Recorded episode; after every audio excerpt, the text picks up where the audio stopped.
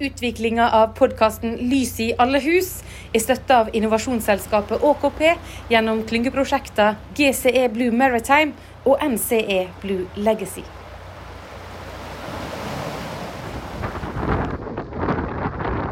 Det er klart at Vi må aldri glemme at bak skyene er himmelen alltid blå, og det gjelder også denne gangen. Men er det få eh, nålevende folk som har opplevd i nærheten av en situasjon som det vi har nå.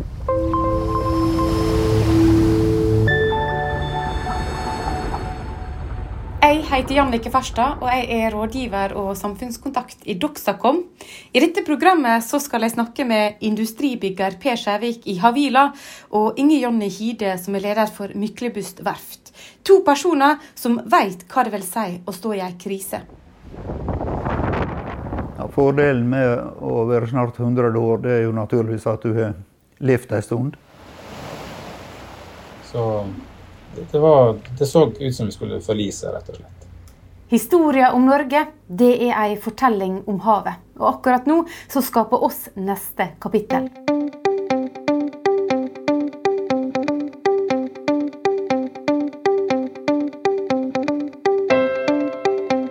Men det er klart at mineraler og ressurser på havbunnen, det tror jeg vi knapt nok har sett begynnelsen av. Så så det er lett å, å se på det håpløse i den nære situasjonen. Men vi må også evne samtidig å heve blikket litt og, og, konkludere som alltid når det er vanskelige tider. At bare vi kommer oss over dette, så vil nok ting bli ganske greit igjen. Det, det, er alltid sånn når du står eh, der du står, så må man på en måte finne ut uh, hvordan man skal komme seg videre. Og, så muligheter lå i å, å, finne ut uh, hvem Myklebust skulle være i framtida. Ta med seg det beste fra det gamle, og så tenke litt nye tanker. Livet er ei ganske så uforutsigbar greie. Det går opp og ned for de fleste av oss, også på jobb. Jeg husker godt den tida da det gikk ganske mye opp for ei maritim klynge langs hele kysten. Her på Sunnmøre var det mange som bygde og eide olje- og offshorefartøy. Jeg var journalist i NRK i Ålesund, og oss hadde slutta å snakke om millioner. Det var milliarder det handla om. Og så gikk det ned, og oss som rapporterte fikk virkelig noe å snakke om. En av de jeg virkelig la merke til, det var en Per Skjærvik i Havila. Han sa det rett ut. De ble for grådige og trodde oppturen skulle fortsette. Mista respekten for milliardlån, og krisa var virkelig et faktum. Men så var ikke det så lenge etterpå at FN kom med sine bærekraftsmål, og folk ble advart mot å tro at dette bare var fine ord på et papir. Og kanskje kom de som bestilt, for her lå jo det en mulighet.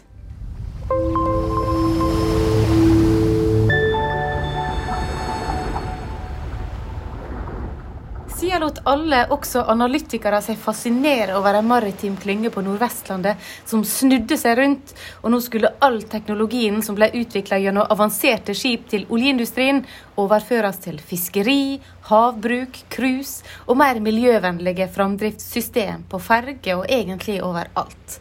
Det kunne ha vært en helt fantastisk historie hvis bare de bedriftene som snudde seg rundt, klarte å tjene, ikke tape penger på den jobben de gjorde.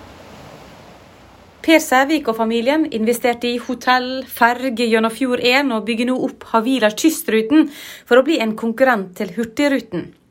Før påske i 2020 ble de enige med bankene om en plan som også skulle fungere i satsinga på offshore, og så kom korona. Det er slik at det meste av det vi er involvert i innenfor reiseliv, innenfor offshore, innenfor, innenfor verftsskipsteknologisystemet, så Eh, og, og kystrutene som vi hvert skal nå opp i, så har vi nok eh, utfordringer på det meste. Fjord 1 er vel kanskje det som er minst berørt av en veldig vanskelig situasjon i, i dag. Ja, for uh, kystruten, der, hva, hva, utfordringer har dere på de ulike segmentene? Nei, altså hvis du, hvis du ser på reiseliv, så er det jo klart at disse hotellene som vi har, er jo nedstengte. Unntatt Ivar Aasen i Ørsta, som vi har en minimumsåpning på pga. Eh, at Widerøe har et visst antall rom som de bruker hver natt. Når det gjelder rederisituasjonen, så var jo Havila Shipping i den eh, situasjonen at de hadde fått fram en etter min mening veldig grei avtale med sine långivere for to-tre uker siden. Men om den avtalen er solid nok slik som offshoremarkedet ser ut i dag, det er kun framtida som kan gi svar på. Eh, når det gjelder eh, kystrutene, så er jo det naturligvis utfordringer med korona i Tyrkia. Og verftet har måttet redusert aktiviteten pga. at det er korona på verftet. Det er utfordrende med å få inn underleverandører og, og utstyr som må til. Men uh, bygginga pågår fortsatt, men i noe lavere tempo enn det skulle være.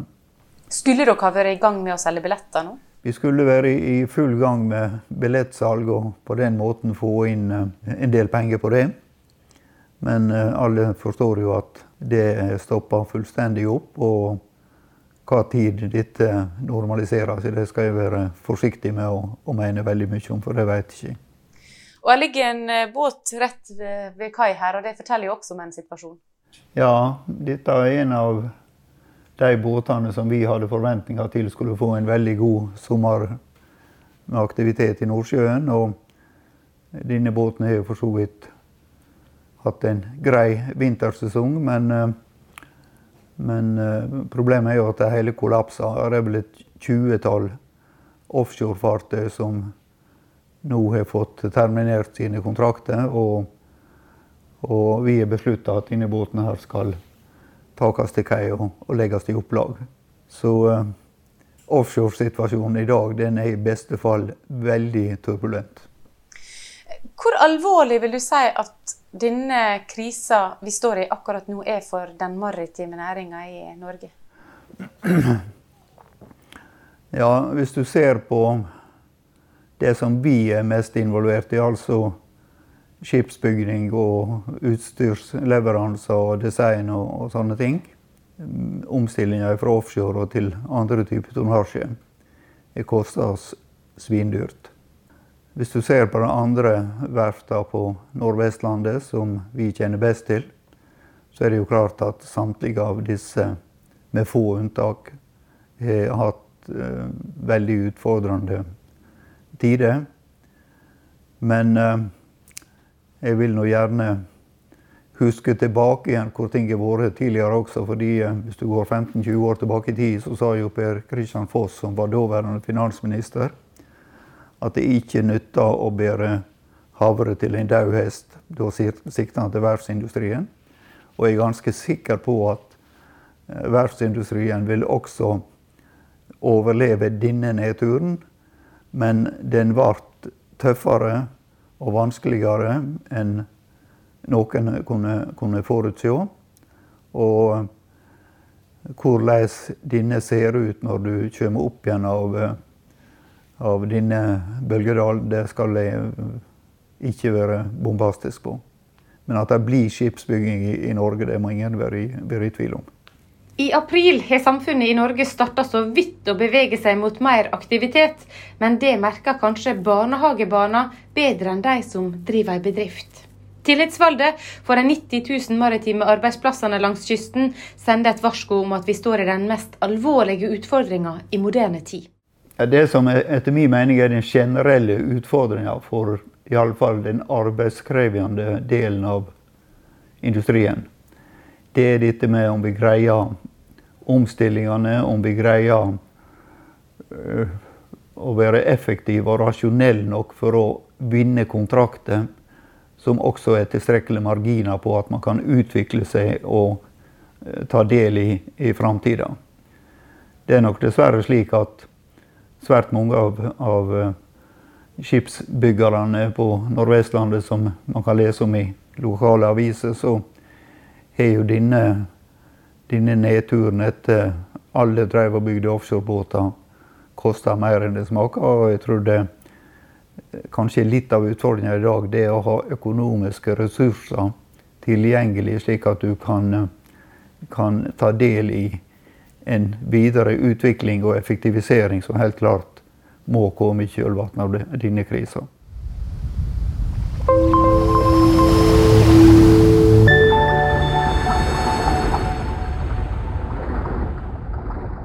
Rett nord for Stad er de vant til dårlig vær og store bølger, og skipsverftet Myklebust verft har gjennom over 100 år stått den av, holdt liv på bruket. Den nyere historien viser at de etter 17 år i Kleven-konsernet nå står på egne bein og hadde et bra år i 2019. Men daglig leder Inge Jonny Hide sier vi bare skal to år tilbake i tid. Da så alt heilsvart ut. Ja, det var det, var det bildet som jeg tror, jeg tror, vi ble enige om alle at det, det var sånn det som var den reelle, reelle, situasjonen. Og etter hvert som tida gikk, så så vi at det var Det stemte. Vi hadde en veldig utfordrende tid med å levere eh, ni fartøy på 15 måneder eh, på et lite verft. Og der er litt forsinkelser eh, fra eh, skrogbygging, og det forplanta seg. og Det så veldig svart ut, rett og slett. Men, og det handler om at eh, en da rett og slett ikke eh, tjente nok penger på de prosjektene her. Selv om en mye å gjøre, så er ikke det økonomi i det. Det er rett. Og, det, og litt det at du bygger ting som kanskje ikke har vært tegna før. Og, og, og, du skal gjøre mange, mange aktører skal gjøre ting for første gang. Men så har ikke dere gjort det. Kan ikke du fortelle litt om prosessen videre? Det vi gjorde, det var at vi, vi måtte på en måte erkjenne at det, dette var situasjonen. Og, og, så måtte vi si det både til uh, styret vårt, til uh, eierne våre og til kundene våre og leverandørene og banken at uh, her er her er vår situasjon. Vi, var nødt til å få et bidrag fra alle for at det skulle være mulig. Så før juli 17 så hadde vi den planen og hadde på en måte en en, en hard vei ut av et, et uføre. Da. Men så skjedde det ting. Igjen i 2018. Ja, det, det gjorde det. Da, da ble, det, ble konsernet vårt splitta. Sånn at verftet i Ulsteinvik eh, ble overtatt av Hurtigruten, og vi på på da seila på en måte videre eh, på, med, med våre selskap her ute i, Gursken. da. Vi mistet konsernledelsen, vi mistet HR-avdelinga, IT og masse dyktige produksjons- uh, eller skrogavdelinga vår var der, og salgsavdelinga vår på nybygg var der. Så vi sto litt sånn uh, Det ble på en måte et veldig sånn kraftig tideskille som kom litt uventa. Så Og da var vi midt i midt i dette programmet med å komme oss ut av, ut av en krise. Men denne delinga der dere plutselig sto alene, den ga dere også en mulighet? Det, det, er alltid sånn når du står uh, der du står, så må han på en måte finne ut uh, ut fra der han står, hvordan han skal komme seg videre. Så muligheten lå i å, å, finne ut uh, hvem Myklebust skulle være i framtida. Vi var nødt til å finne vårt et, et nytt rederiflagg, eller nytt flagg. Og, og det starta en del prosesser her, ja, der han på en måte kunne ta med seg det beste fra det gamle, og så tenke litt nye tanker. Per Skjærvik var tolv år da han tjente sine første kroner på fiskeri. Siden har han vært med på utallige oppturer og nedturer. Ja, fordelen med å være snart 100 år, det er jo naturligvis at du har levd en stund. Og for meg som begynte som halvløting midt på 50-tallet i de store sildeåra, så var jo det et eventyr å få være med på.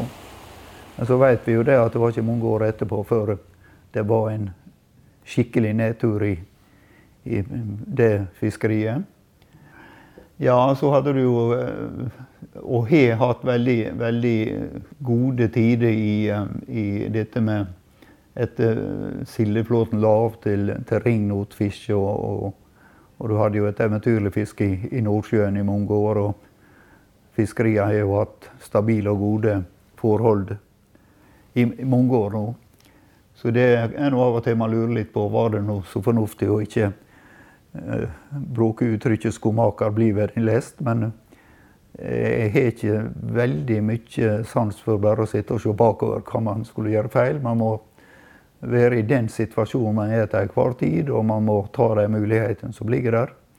Og i denne situasjonen så er det klart at det er også muligheter. Og vi i 1980 eh, fant ut det at vi skulle prøve oss på offshore, så var det jo fordi at jeg syntes det var mange likhetstrekk i å drive med fiskebåt og drive en, eh, en offshorebåt.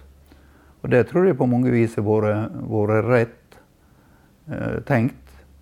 Men det er klart at vi kontraherte vårt første båt som var levert på Søviknes i mars i 83, og da gikk vi også rett inn i en krise, for da også kom det for mange båter i, i, markedet samtidig. Så vi har hatt utrolig mange nedturer i disse 40 åra vi holder på med, med, offshore. Men det er klart at denne situasjonen med først oljepriskollaps i 2014, finanskrisa i 2009 så er du vært i en situasjon at det har vært ganske slitsomt de siste seks åra. Og jeg tror de fleste av offshoreselskapene er rimelig økonomisk nedtappa. Og at det er veldig få som har ei betydelig krigskasse for å møte den situasjonen som vi kanskje nå går inn i.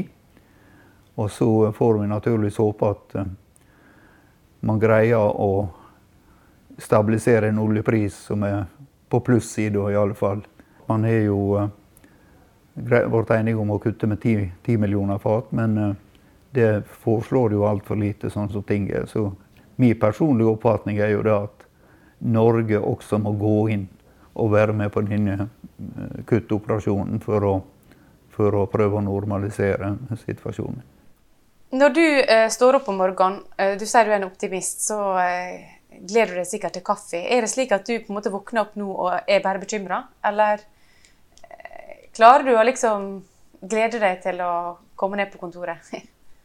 Nei, altså hvis ikke jeg eh, var positivt innstilt med å stå opp om morgenen, så, eh, så er det iallfall tida nå for at man kunne dra dyna over hodet og si at i dag står du ikke opp. Men, men det er klart at Vi må aldri glemme at bak skyene er himmelen alltid blå, og det gjelder også denne gangen. Men er det få eh, nålevende folk som har opplevd i nærheten av en situasjon som det vi har nå. Og jeg vil tro, uten å ha spesiell kjennskap til det, at du må nok tilbake til, eh, til krigen i 40-45 for å ha noe som har vært så altomfattende som det som er slått inn eh, i dette tilfellet.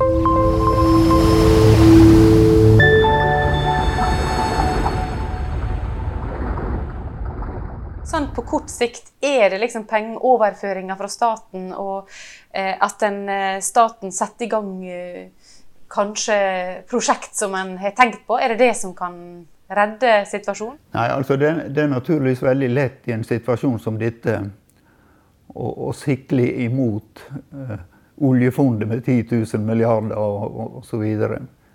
Jeg tilhører nok de som, som kanskje er litt reservert på at det er staten som skal løse alle problemer for oss alle til enhver tid vi, vi eh, står oppe i. Men det er klart at akkurat nå så er det nok i en situasjon at Eh, statens bidrag til dette med eh, nedkorting av arbeidsgiverperioder ved permitteringer er nok noe av det som har vært veldig, veldig god hjelp i.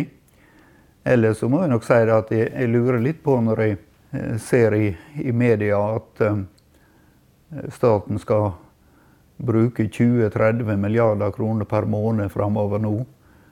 Hva disse pengene blir av. fordi så vidt jeg registrerer, så får vi iallfall ikke noe når det gjelder Eh, offshore-rederier. Eh, jeg sjekka med, med Havia-gruppa i, i, dag, og så langt så er det jo permitteringsreglene de ser som en fordel. Eller så er vi usikre på om det er noe mer av disse pakkene som kommer dit. Når det gjelder reiseliv, hotell og, og den type ting, så oppfatter vi det vel slik at det er kanskje noen kroner hvis du ramler innenfor de reglene som det er. Når det gjelder kystruta, så har vi jo betydelig millionuttellinger hver måned på organisasjonen som vi har bygd opp, og andre kostnader som løper på. Og naturligvis som et nystarta selskap så var vi med mellom alle stolene også der, fordi at vi, vi har ikke eh, referansetall fra tidligere år å, å vise til. Så for vårt konsern, Havila-gruppa, så er vi jo veldig i tvil om egentlig vi får eh, noe i det hele tatt, bortsett fra dette med permitteringsreglene. Men eh, hva da, med så mye utgifter, så mange ansatte? Altså, tenker du at dette her eh, kan knekke noen dere? Nei, altså For den som er født optimist, optimist så har man jo tro på at man, man kommer seg gjennom det. Men det er klart at vi har en veldig uoversiktlig situasjon sånn som ting er nå. Og eh, vi har jo ingen sareptaskrukke å ause ta i forhold til alle disse forskjellige virksomhetene vi holder på med. Og kanskje eh, totalt sett en plass mellom 2500 og 3000 folk som jobber i de forskjellige selskapene under Havila-paraplyen. Og og sånn sett så, så, kan jo naturligvis dette vært alvorlig hvis det varer altfor lenge.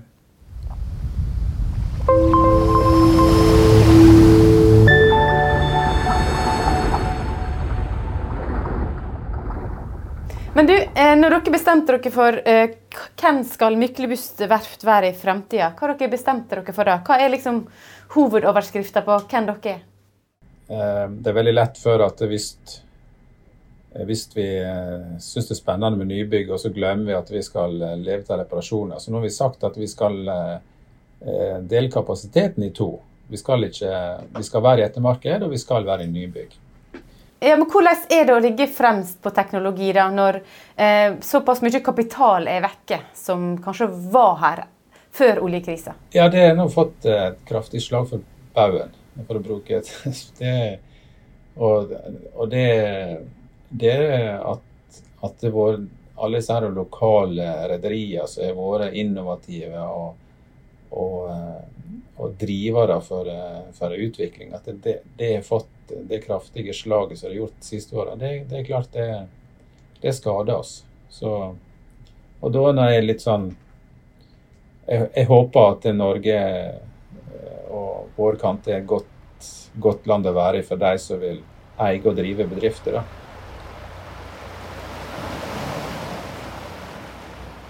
De som vil faktisk eh, sier at det ikke er noe annet valg enn å komme seg fremover. Har vilkår, så, så, de får eh, drive med det de vil, først og fremst. Her. Men føler du at dere klarer å på en måte eh, finansiere teknologiutvikling og tenke fremover og nytt og være i front? Nå er vi nok med å leve over.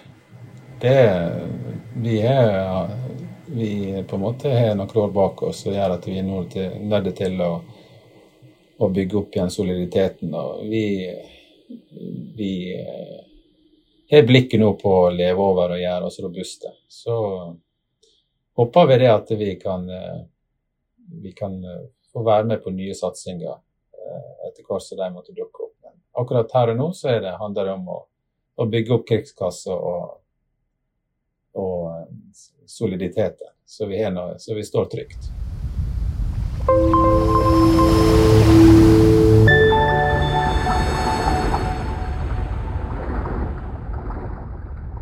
Det som kanskje etter min oppfatning har vært største utfordringa i forhold til gründervirksomhet, det er jo om de 10 000 milliardene som oljefondet vårt er, har gjort noe med oss alle som er slik at uh, vi kanskje syns det er litt behagelig å ha det trygt og greit, og ikke nødvendigvis uh, være sultne på å uh, utvikle og skape nye, nye ting, altså.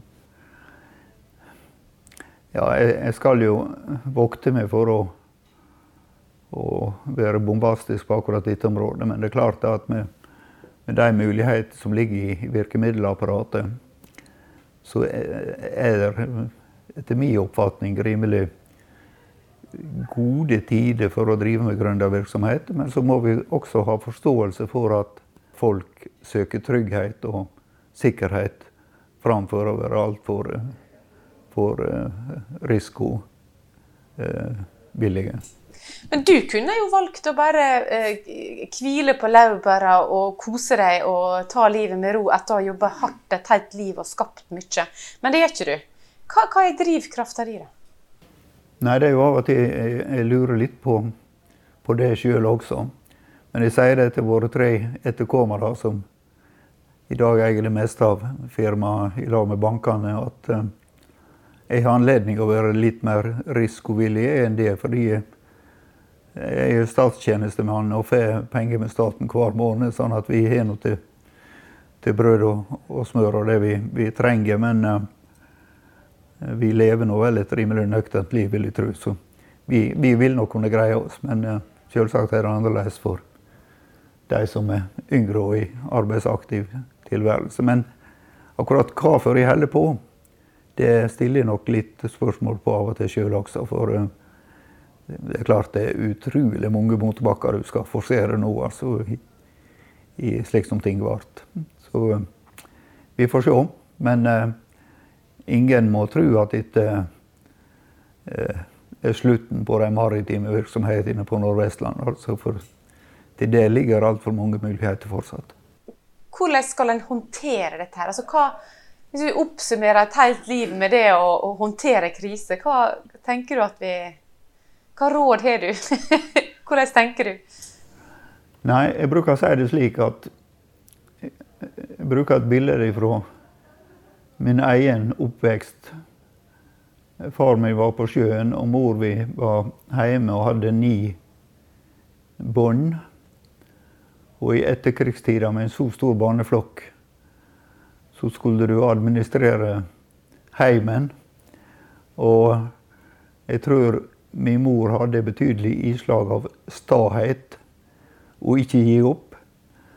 Og hvis jeg skulle våge meg med en påstand i dagens situasjon, så ligger framtida i at vi ikke gir opp, men at vi også i denne situasjonen ser muligheter. Og jeg er helt sikker på at eh, for en stor del av næringslivet og rederivirksomheten så er det også en framtid.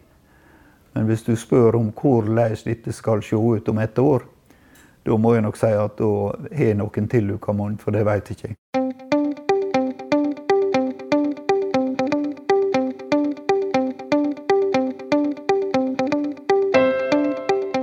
Det at vi skal drive med skipsbygging eh, på eh, Nordvestlandet også i framtida, har du trua på det? Det har jeg veldig stor tro på. Ja, hva, hva, vi kommer til å bygge, da? Ja, hva vi skal bygge da? Hva type båter? Hva type skip? Ja, nei, vi, altså vi er, Kysten vår er nå connecta med, med, havet. Og hvordan skal vi nå tak i de ressursene som er i havet, eh, uten at vi har en båt? Vi klarer ikke å nå tak i verken fisk eller laks eller, eller olje eller havvindenergi med 3D-briller. Og der, da trenger du trenger du noen eh, sånne raringer som ser på Myklebust og prøver å bygge dette her i hop, da. Da. Det at båtene skal ha det siste innen ja, framdriftssystem og forskjellige energikilder og sånn, det forandrer seg. Og, og, det er kun vi verftene som kan eh, sammen med leverandørene som kan drage disse her eh, båtene inn i den rette tidsalderen når det kommer til f.eks. Eh, miljøteknologi. Da. Og der skjer det en rivende utvikling.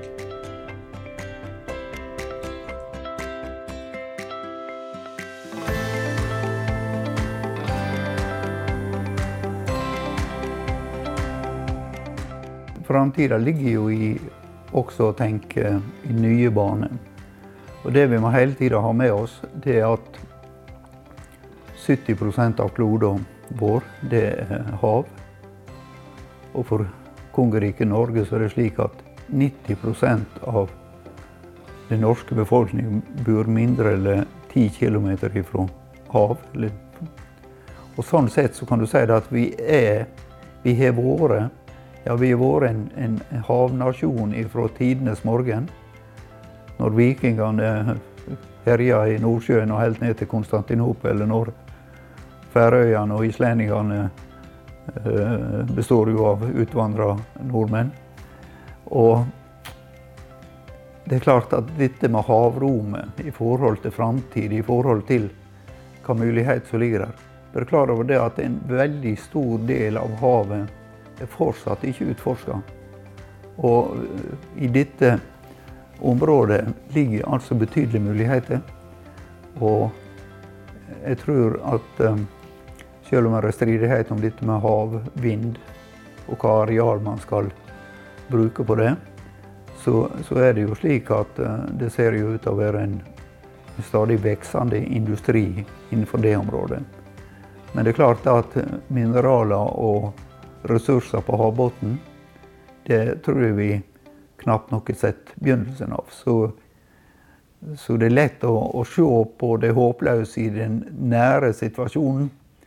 Men vi må også evne samtidig å heve blikket litt og, og, konkludere som alltid når det er vanskelige tider. At bare vi kommer oss over dette, så vil nok ting bli ganske greit igjen.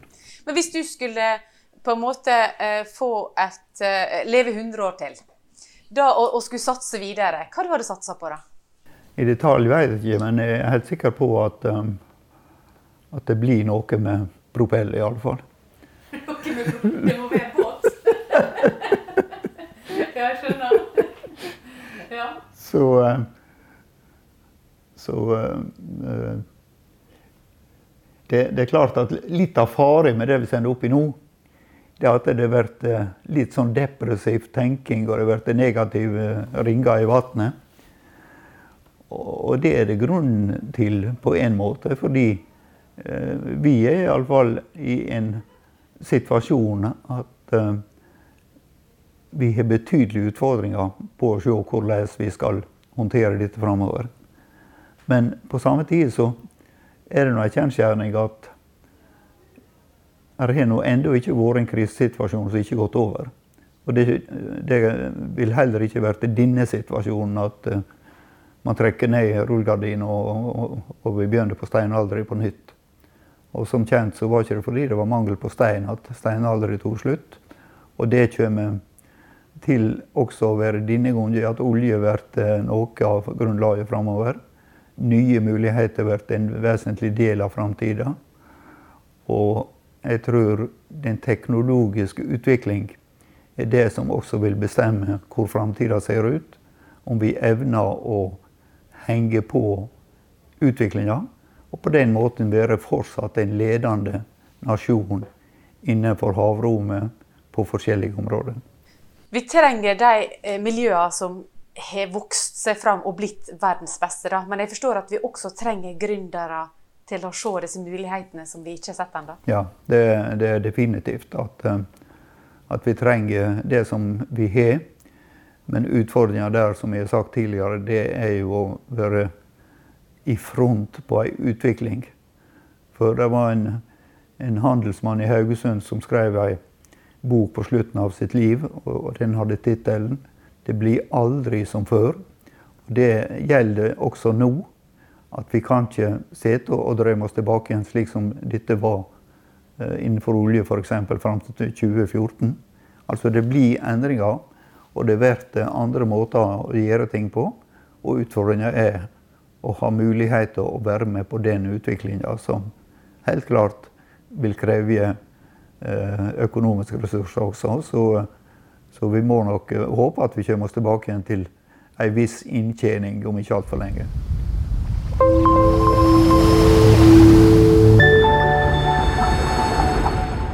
Denne episoden ble betalt av ÅKP gjennom klyngeprosjektene GCE Blue Maritime og NCE Blue Legacy.